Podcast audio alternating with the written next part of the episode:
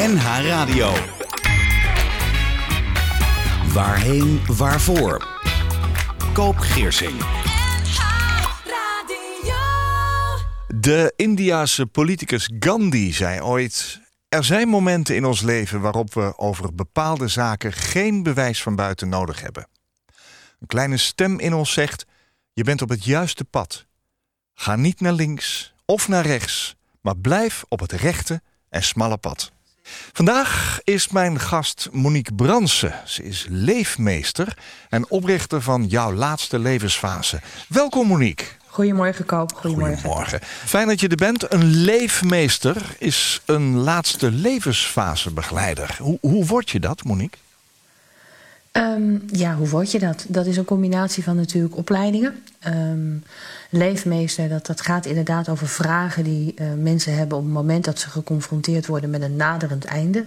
Nu of over een paar jaar. En er zijn verschillende opleidingen voor die, die je daarbij kunnen helpen. Als, als professional, stervensbegeleiding, uitvaartbegeleiding, uh, basisopleiding, registerexecuteur. En ook gewoon heel veel uh, mensen mogen begeleiden in, in dat laatste pad, zoals jij dat noemt. Ja, zeg, en heb jij dat allemaal gedaan? Ja. Al die opleidingen? Ja, ik heb er wel een uh, behoorlijk pad zelf ook ingelopen toen ik daar kwam, eerlijk ja. gezegd. Maar ja. ja, weet je, je leven gaat zoals het gaat. En op een of andere manier is, is, is afscheid nemen, uh, bij mij altijd wel op mijn pad geweest. Maar ik heb er ook pas later wat mee gedaan. En toen vond ik wel van ja, weet je, ik kan wel zeggen uit mijn levenservaring: hallo, ik kan je wel ondersteunen en ik kan er voor je zijn.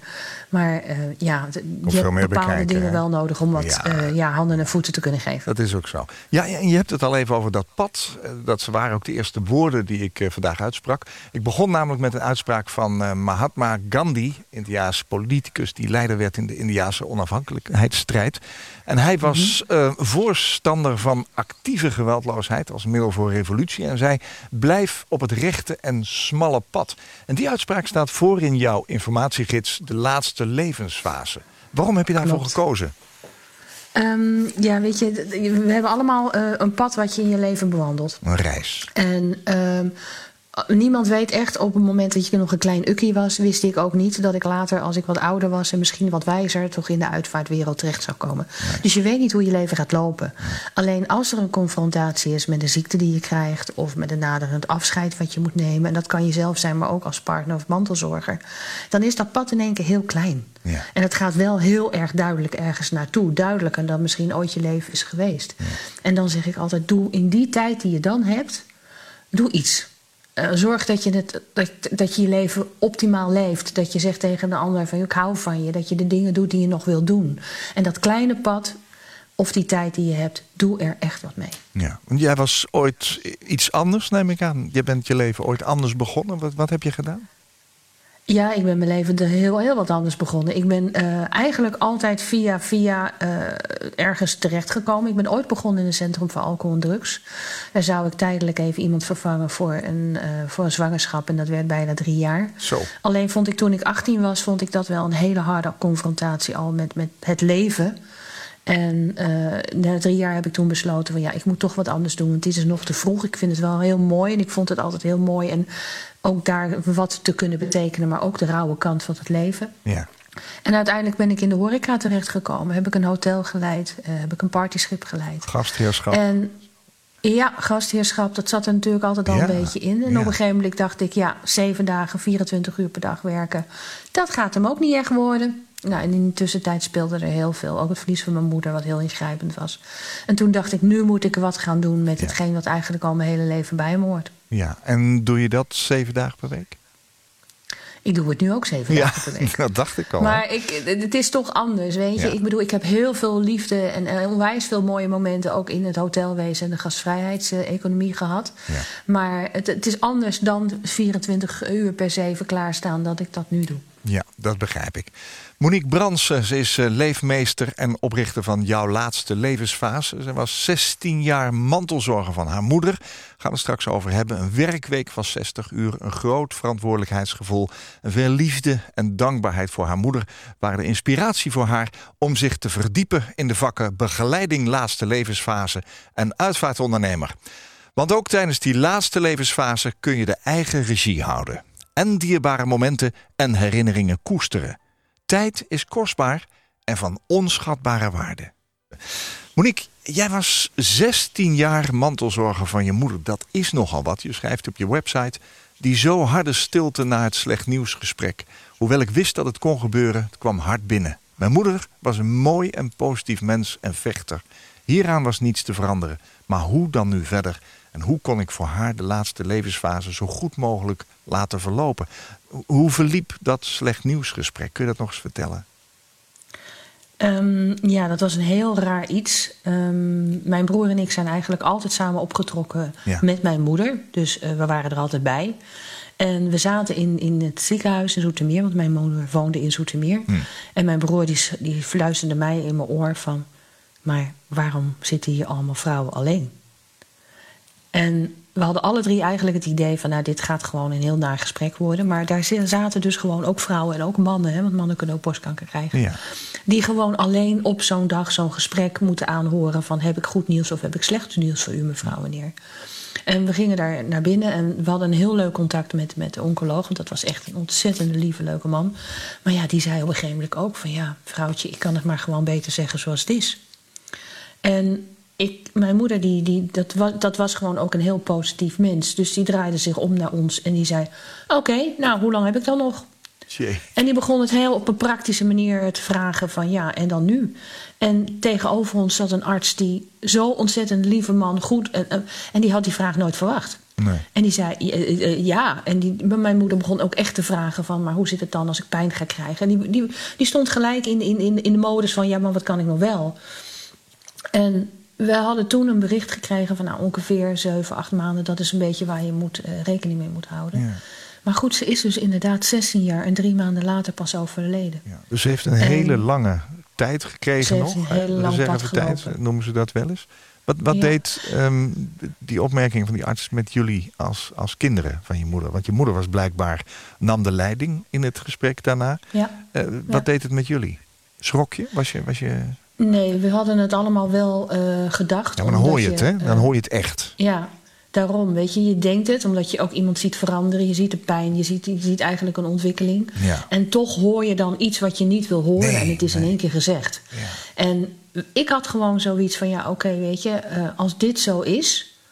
En ik ken mijn moeder, uh, die wilde er alles aan doen om toch langer op de planeet te blijven, want ze had het hier veel te leuk.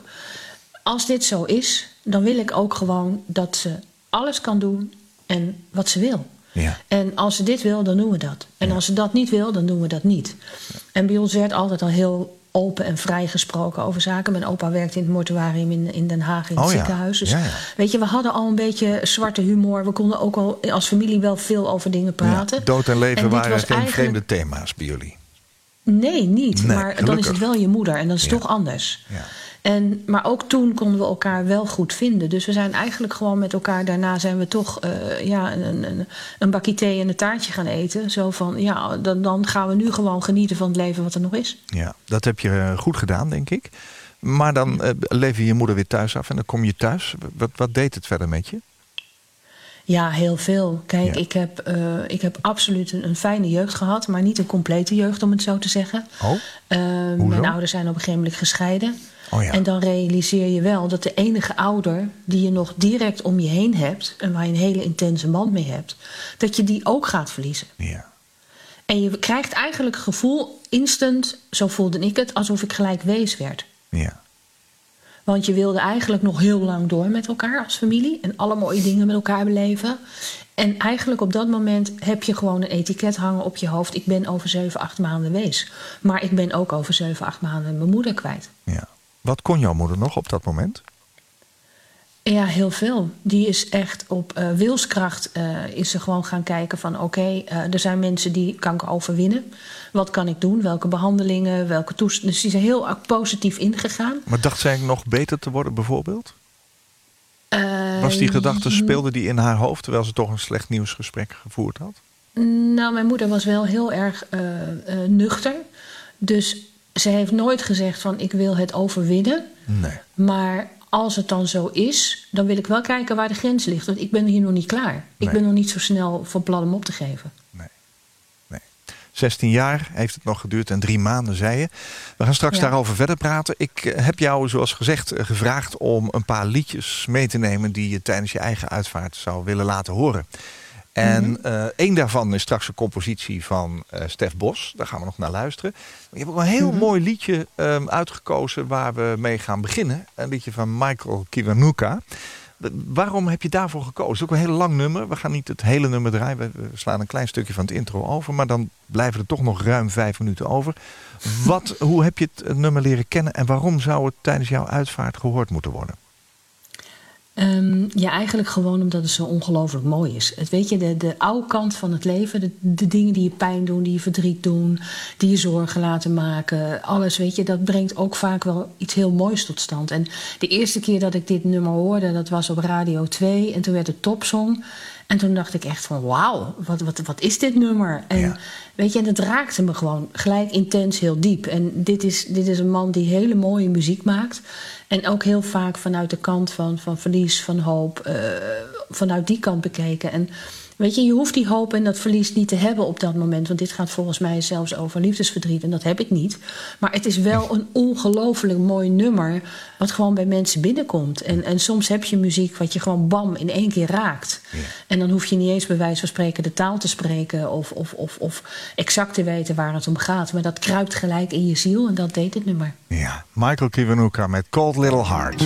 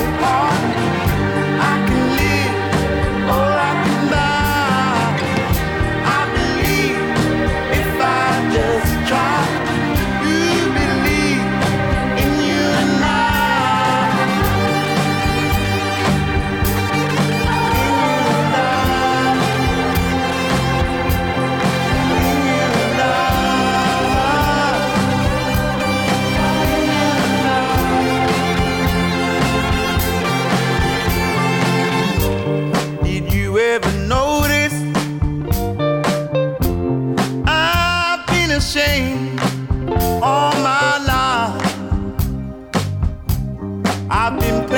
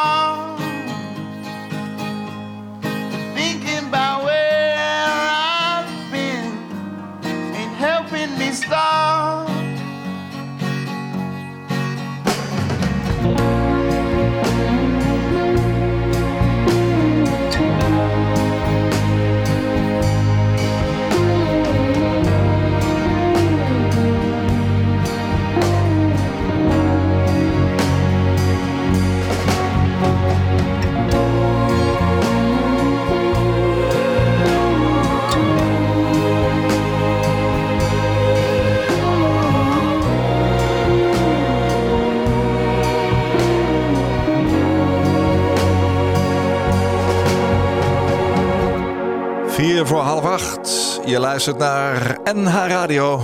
Michael Kiwanuka met Cold Little Heart. Het openingsnummer van het prachtige album Love and Hate. Een heel lang nummer met in de eerste vijf minuten zijn ook geweldige gitaarspel. En het nummer is ook gebruikt als eh, openingstune van de miniserie televisie Big Little Lies met Nicole Kidman. Monique, wat, wat deed die mantelzorg met jouw eigen leven?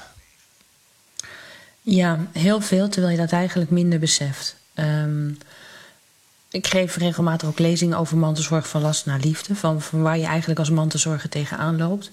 En wat ik zelf gewoon niet deed. En wat de meeste mantelzorgers niet, de, niet doen. Is goed voor jezelf zorgen. Want Ja. je staat altijd aan. Ja. En eh, op een gegeven moment woonde ik dus ook 100 kilometer van mijn moeder vandaan. Maar ik was er nog wel vier dagen in de week. Jeetje, ja. En ja. Weet je, je, je, je- maar je, je, je doet het gewoon. Weet je, je staat niet s'morgens onder de douche en je denkt, nou, weet je, ik ga nu mantelzorger worden. Dat ben je gewoon bam in één keer. Ja. En hoe dat proces ook gaat, en je gaat gewoon mee. Weet je, er zijn geen keuzes. Nee. Jouw moeder hoorde op enig en moment dat, dat het voor haar eigenlijk niet meer eh, ja, eh, zou gaan. Hè? Ze- was ziek. Ja. Ehm, de zorg zou stoppen. En op dat moment begon ook die mantelzorg voor jou. Hoe heette je moeder trouwens? Even, voor, even haar naam. Mijn moeder was Ria. Ria. Prachtig mens. Ja, Ja, Ria. nou dan hebben we bij deze haar naam genoemd. Ehm, ja, het- het- je zorgde dus eigenlijk niet goed voor jezelf. Wat, wat betekende dat op de langere termijn? Het zijn dingen die erin sluipen. Ehm, ik kan me herinneren dat op een gegeven ogenblik mijn broer... Dat, dan waren we al een tijdje verder hoor. En mijn moeder die is eh, net zo eigenlijk als Bibi mentaal... een paar keer wel door, door de oog van de kanaal gekropen... en dan Ja. weer door en dan weer dit en dan weer dat. En mijn broer zei op een gegeven moment tegen mij... van lieve schat, wat kan ik nou voor jou doen? Oh ja. Ik heb af en toe het idee dat jij tien, tien slagen harder rent dan ik. En volgens mij moet jij ook af en toe aan jezelf denken. En dan nog ga je als mantelzorger er een beetje ontkennen. Ja, maar Monique, En- eh, heb jij wel eens nagedacht waarom je dat zo deed? Ja, dat, dat tuurlijk. Dat, dat, achteraf weet je dat en kun je dat voor jezelf ook veel meer benoemen. Wat Kijk, was dat dan? wa- nou, mijn, wat ik al zei, weet je, ik kom uit een gezin eh, waar ik heel veel liefde en ondersteuning heb gekregen. Ja. Maar we zijn wel een gebroken gezin geweest. Ja. En mijn moeder is altijd degene geweest die ons ehm, super onszelf liet zijn. Ja. Niet zei wat we moesten doen, maar wel heel liefdevol ons gewoon door ons eigen pad kon leiden. En we hebben eigenlijk nooit. Ja, daarom. En ik wilde voor haar eigenlijk, en dan weet je dat niet zo op dat moment, maar eigenlijk heb ik voor haar de dingen die zij altijd voor ons op heeft moeten geven. En ook in haar jeugd, dus heeft ook als jonge zelfstandige al voor haar ouders gezorgd. Wil je eigenlijk dat het aan haar niets gaat ontbreken? Ja. Ja, wat, wat betekende eigenlijk die mantelzorg? Wat deed je allemaal? Ehm, ja, ik, ik zorgde gewoon dat er elke dag iemand langs ging. Eh, ze had eh, sowieso eh tafeltje, dekje. We zorgden, of wij kookten zelf. Ze had altijd aanspraak. Er was een sociaal vangnet. Ik reed er ook vier keer in de week heen. Dan was ik ook echt een aantal uur bij haar. Als het kon, dan ging ze met mij mee. Dan bleef ze twee weken hier of langer.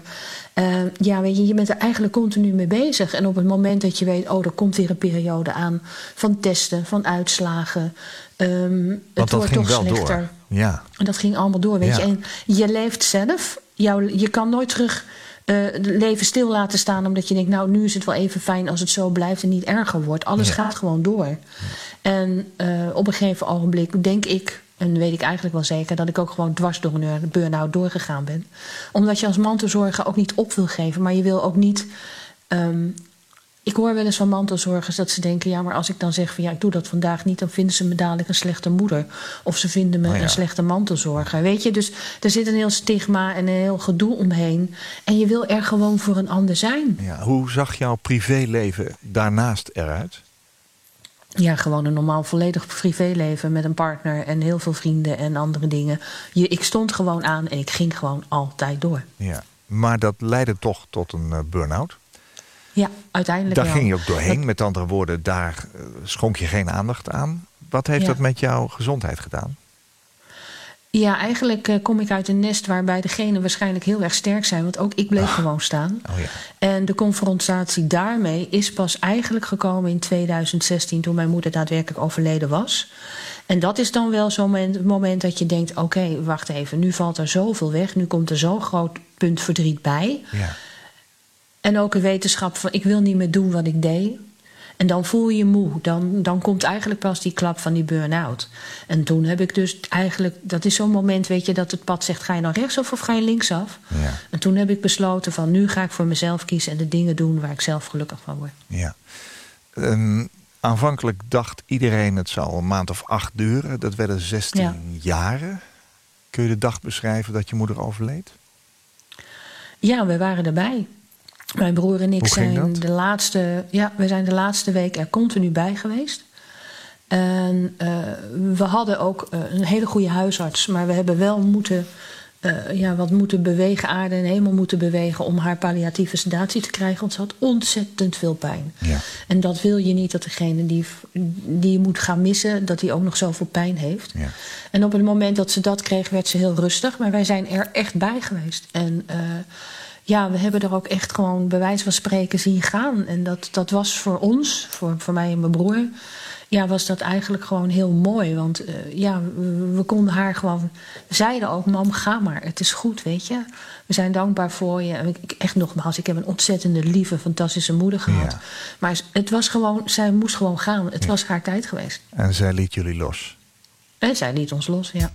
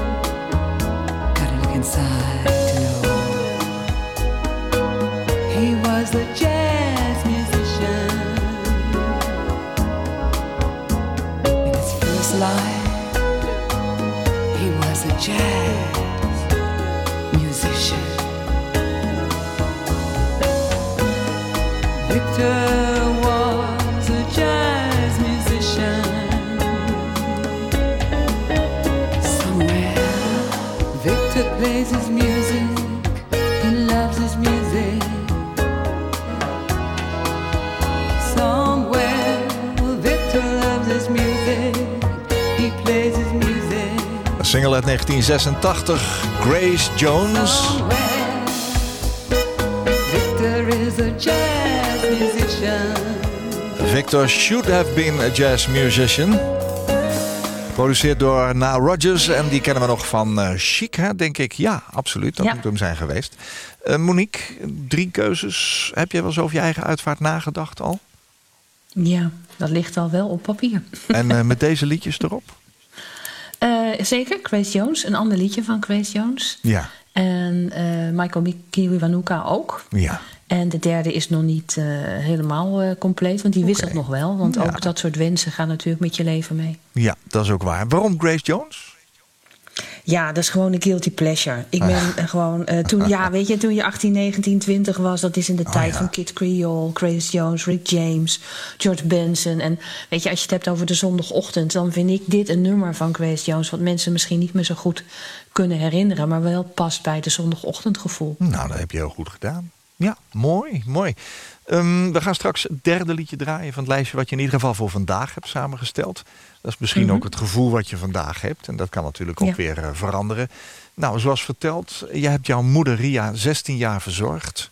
Eh, eh, dan komen we aan dus in die laatste levensfase. Wat, wat verstaan we daar eigenlijk precies onder? Is dat de periode dat je niet meer behandeld kunt worden? Of wanneer gaat die in? Kun je er iets over zeggen? Wat, wat mijn insteek is in de laatste levensfase, is eigenlijk het moment dat je een confrontatie hebt dat die eindigheid er komt. Het kan zijn dat je een diagnose hebt gekregen van, van een ziekte, bijvoorbeeld ALS. Dan is helaas de levensverwachting redelijk kort, maar wel vrij helder. Ja. Op het moment dat je bijvoorbeeld dementie krijgt of kanker, kan het dus een heel lang, langer periode zijn. Ja. Het kan ook zijn dat, dat je als mantelzorger of als naaste dus geconfronteerd wordt met het feit van ja, wacht even, de toekomst die ik dacht te hebben, gaat dus heel anders worden. Dus mijn insteek op de laatste levensfase is eigenlijk vanaf het moment dat mensen dus die confrontatie voelen. Maar ook als ze bijvoorbeeld ouder zijn en denken, ik heb de meeste jaren achter me liggen. Ja. Je hebt een eh, mooie informatiegids samengesteld. Die heet ook De Laatste Levensfase. Eh, met informatie over ziek zijn, over zorg, eh, palliatieve of terminale fase van het leven. Eh, ruimte voor eigen notities. Dat vind ik heel mooi aan. Het heel kleurig boekje ook geworden. Voor wie is die gids in eerste instantie bedoeld? Ehm, voor families of degene waar het om gaat. Ehm, kijk, op het moment dat je ehm, denkt aan... ja, wacht even, ik ben ziek en die ziekte gaat zich ontwikkelen... Weet je, je, je, je, je pakt niet een, eh, of althans, je trekt niet een fles wijn op, eh, open op vrijdagavond. Zo, schat, wat zouden we nou eigenlijk willen? Dat, dat gebeurt niet. Nee, nee. Maar op het moment dat je wel geconfronteerd wordt met een ziekte of een ontwikkeling van een ziekte, weet je, dan, dan is het wel feit dat je over dingen moet gaan nadenken. En natuurlijk laten heel veel mensen zich ook overvallen of gewoon de situatie gebeuren zoals Ja. die gaat gebeuren. Ja, dat klopt. Maar op het moment dat je ook als mantelzorger, weet je, ik hoor heel vaak dat de gids besteld wordt of gelezen wordt door mantelzorgers, die dan zeggen: Ja, maar ik wil ook weten wat er op me af gaat komen. Ja. Want er verandert, verandert alles. Niets is meer zoals het was. En wat gaat er op je pad komen en wat kan je doen? En ik heb dat, die gids geschreven niet om te vertellen wat mensen moeten doen, maar gewoon om aan te geven van dit zou kunnen spelen. Wat maar wat is dan voor jou belangrijk Ja, ja, ja. om op te pakken en voor jezelf iets mee te doen? Ja, hoe, is die, hoe is die tot stand gekomen? Want het staat echt eh, boordevol met eh, informatie. Eh, jij hebt hem zelf geschreven, maar, maar met hulp van wie? Eh, met hulp van velen. Kijk, dit is eigenlijk wat ik als leefmeester doe. Mensen door die diverse heel, eh, hoofdstukken heen helpen. Van Ja. wat is voor hun wel of niet belangrijk. Ik heb natuurlijk partners achter het platform. eh, mensen die professioneel bezig zijn met rouw, verlies of afscheid. Maar ik heb het ook laten lezen door een huisarts. Ik heb het laten lezen door een geriater. ehm, door andere stervensbegeleiders. door, door eigenlijk zoveel mogelijk mensen. Het is een club van een man of man, vrouw om 12, 13 mensen. Die gewoon echt meegelezen hebben vanuit het perspectief wat ik wil bieden. Van dit is wat er op je af kan komen. En wat is voor jou belangrijk. En weet je, en, en, en ik pretendeer zeker niet dat ik alle wijsheid en pacht heb. Helemaal niet. En daarom heb ik ook laten meelezen van wat vinden jullie ervan? Spreekt het aan? Maar ook een aantal mantelzorgers. Mensen die echt nu, eh, toen het boek eh, geschreven werd... in de situatie zaten van ja, ik heb iemand... die binnen een bepaald tijdlimiet eh, mij gaat ontvallen. Dus die heb ik ook mee laten lezen. Ja, ja, dat is ook zo. De gids heeft een heel speelse, kleurrijke vormgeving. En er wordt hier en daar ook gevraagd iets op te schrijven. Je hebt ook ruimte voor notities gemaakt. Waardoor het ook bijna een soort werkboek wordt. Hoe helpt deze informatie mensen die in hun laatste levensfase zijn aanbeland, wat jou betreft? Ik merk dat het voornamelijk de bewustwording is. De bewustwording. eh, kijk, over het algemeen weten we wel wat we niet willen. Daar kunnen mensen makkelijk over praten. Nou, Ja. Dat vind ik altijd al een begin dat ik zeg: Nou, zet dan maar op papier wat je niet wil. Maar het met name een bewustwordingsgids. en dan komen er dingen naar voren. Dat bijvoorbeeld laatst iemand, een meneer met de ALS, die gewoon aangaf van ja, ik wil gewoon niet dat mijn gezin met jonge kinderen mij hier zo ziet aftakelen dat ik niet meer papa ben. Dat, vers- dat moeten ze toch al gaan ervaren, maar dan wil ik hier niet zijn. Dus dan is het wel van ja, hoe wil je dat dan wel gaan organiseren? Ga eens kijken bij hospices. Ga eens praten met mensen. Eh, Bespreek het ook wel met je kinderen. Hoe ga je dan naar zo'n proces toe? En ja, dat, dat, dat haal je dan niet 100% uit zo'n gids, maar het zet je wel aan tot bewustwording van hé, hey, wat wil ik wel? Ja, zeker, tot, zeker. Ja, tot nadenken. In de gids staan hoofdstukken als zorg of wijkverpleging thuis, jouw medische wensen en grenzen, geldzaken, maar ook het sterfbed. Ehm, jij begeleidt mensen tijdens die laatste levensfase. Je geeft workshops en trainingen. Je bent ook nog eens eh, uitvaartverzorger. Waarom vind jij nadenken over de dood, hè, persoonlijk je wensen vastleggen voor je uitvaart, zelf zo belangrijk? Want ik, ik maak ook wel in mijn dagelijkse werk als uitvaartverzorger mee dat mensen het inderdaad voor zich uitschuiven of er een eigen invulling aan willen geven. Niet steeds maar geconfronteerd willen worden met het feit dat het straks afgelopen is. Waarom vind jij het zelf zo belangrijk? Omdat ik gewoon veel te vaak hoor, had ik maar. Ja, En dat is aan de kant van degene die het leven moet gaan loslaten, maar ook aan degene die als nabestaande achterblijven. En had ik maar geweten dat dit kon. Laatst nog ehm, een, een, een, een van, de, van de partners van het platform, die las de gids mee. En die, was, die zo zat, in de, in- die zat eigenlijk in het laatste levensfase van haar eigen man. En die zei ook van de, de hoofdstuk over het sterven maakte het voor mij herkenbaar op het moment dat hij op de laatste dagen van zijn sterfbed was. Dat ik me dacht, oh wacht even, hier heb ik iets over gelezen. Nu komt het einde. En als jij ehm, op je laatste levensfase nog de kans hebt om voor degene die je achterlaat dingen te regelen. Of eh, zaken financieel te regelen. Of eh, inderdaad die Friese staartklok eh, op de juiste manier te verdelen. Dan geeft dat rust. En ik zou zo graag iedereen wensen dat je nog dingen kan doen die je rust geven. Maar die ook gewoon nog de verbinding, de liefde en, en het koesteren naar elkaar kunnen, kunnen versterken. En ja, ik wil gewoon zo min mogelijk horen, had ik maar. ja, ja. Het schijnt een van de dingen te zijn die op je sterfbed het meest ehm, zeg maar naar voren komt. dingen niet gedaan hebben in plaats van dingen wel gedaan hebben. Hè? Dus had ik het maar Klopt. gedaan, is eigenlijk dan te laat. Ja, Ja. dat is mooi. En eh, dan gaan we zo op verder. Ik wil ook het derde liedje van jou helemaal laten horen wat je meegenomen hebt.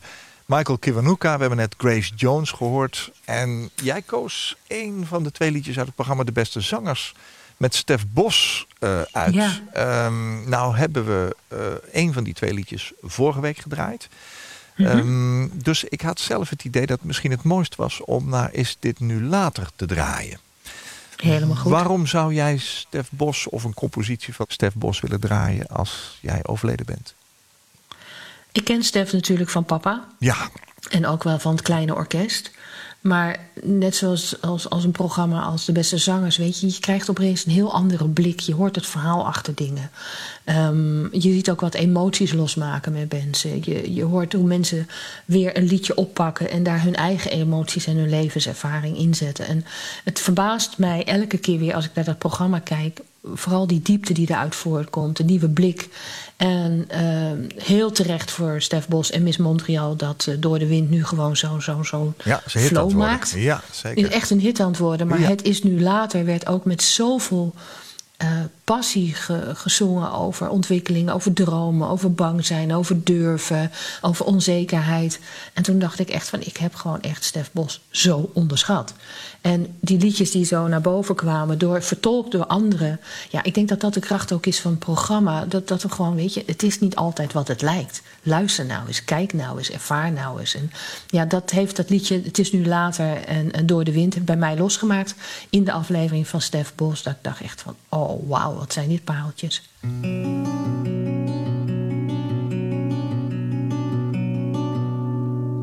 We speelden ooit verstoppertje in de pauze op het plein. We hadden grote dromen, want we waren toen nog klein. De ene werd een voetballer, de ander werd een held. We geloofden in de toekomst, want de meester had verteld. Jullie kunnen alles worden als je maar je huiswerk hebt. Maar je moet geduldig wachten tot je later groter bent. Is dit nu later? Is dit nu later? Als je groot bent, een diploma vol met leugens, waarop staat dat je volwassen bent. Is dit nu later? Is dit nu later, als je groot bent? Ik snap geen donder van het leven. Ik weet nog steeds niet wie ik ben. Is dit nu later?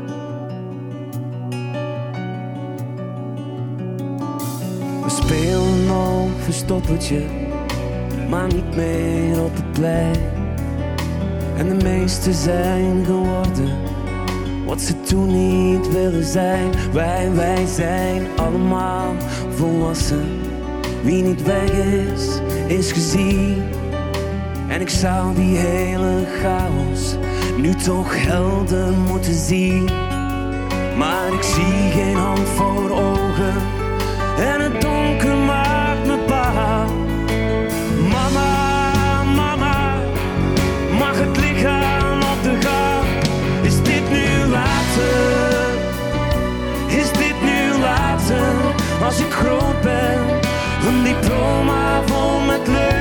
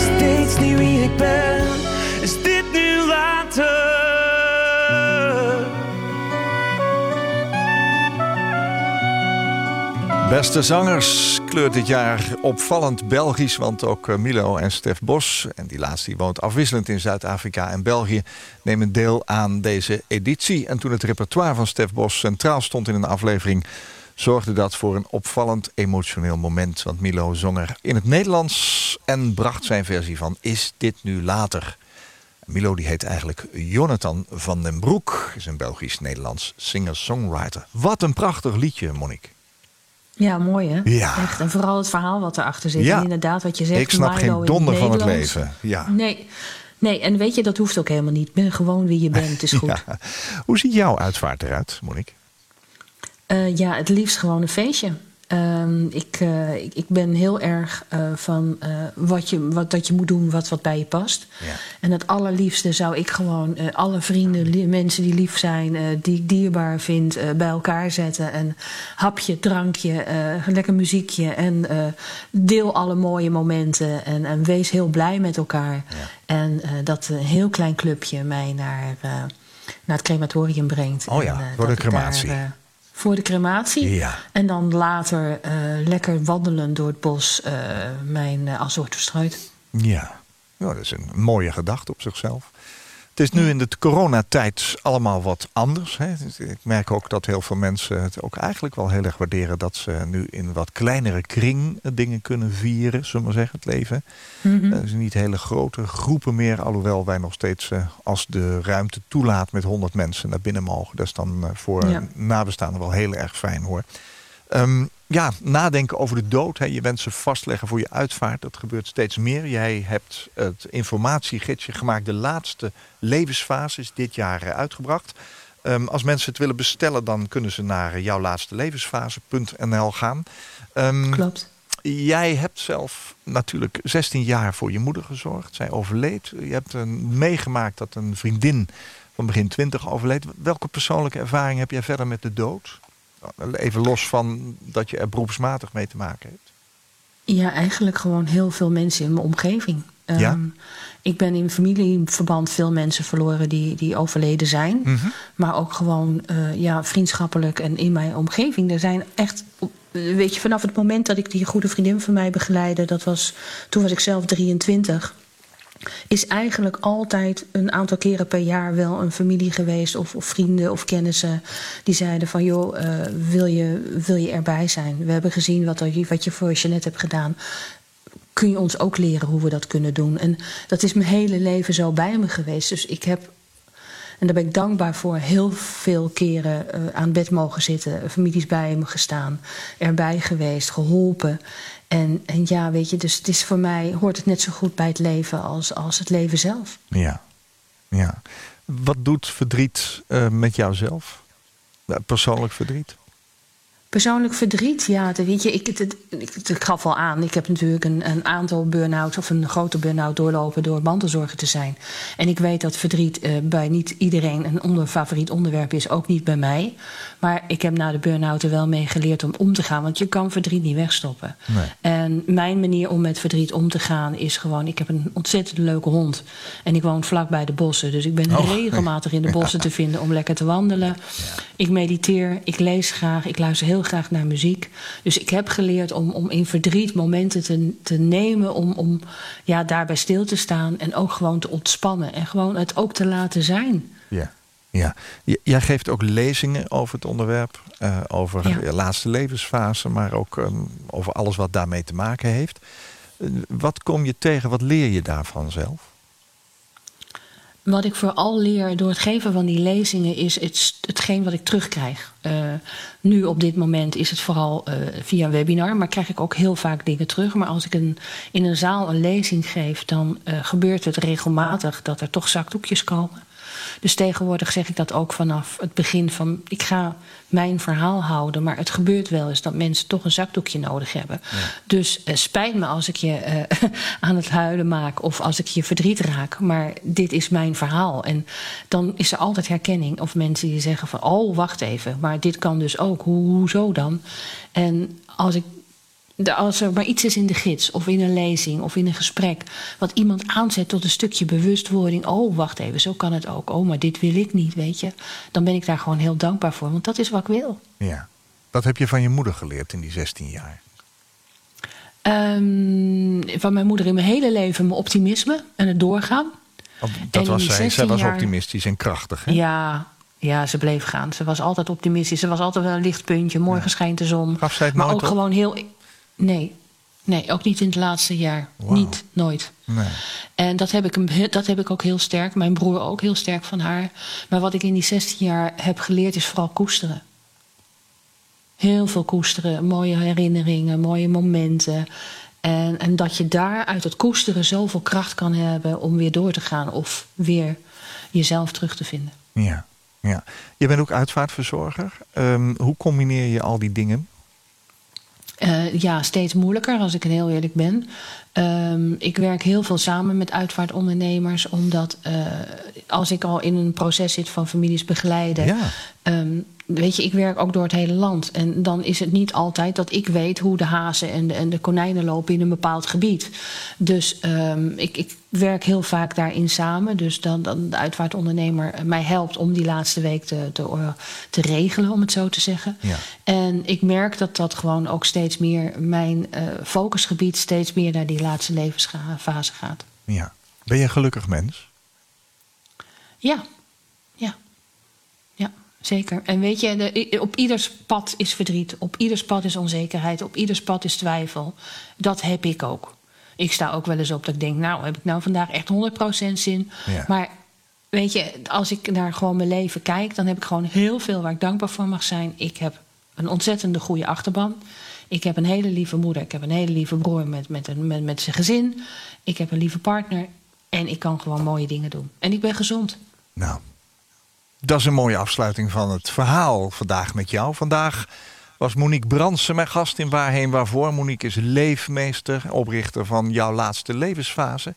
En Ze was 16 jaar mantelzorger van haar moeder en weet dat praten over de periode voor het sterven, over je laatste levensfase dus en wat je wensen en gedachten daarbij zijn, voor veel mensen erg lastig is. En daarom heeft ze de informatiegids De Laatste Levensfase uitgebracht. En die gids besluit met de woorden: Tijdens de diepste dalen van het leven komen de mooiste koestermomenten en levenslessen voorbij. Monique, dank voor je verhaal. Fijn dat je mijn gast wilde zijn. Fijn dat ik er mocht zijn, dankjewel. Alle goeds gewenst. Hetzelfde, heb het goed. Koop Geersing. Als jij een keer te gast wilt zijn in Waarheen Waarvoor om te vertellen over jouw levensreis, laat me dat dan weten via waarheenwaarvoor.nhradio.nl. Waarheenwaarvoor.nhradio.nl. Dit was een NH Radio podcast. Voor meer, ga naar nhradio.nl. Radio.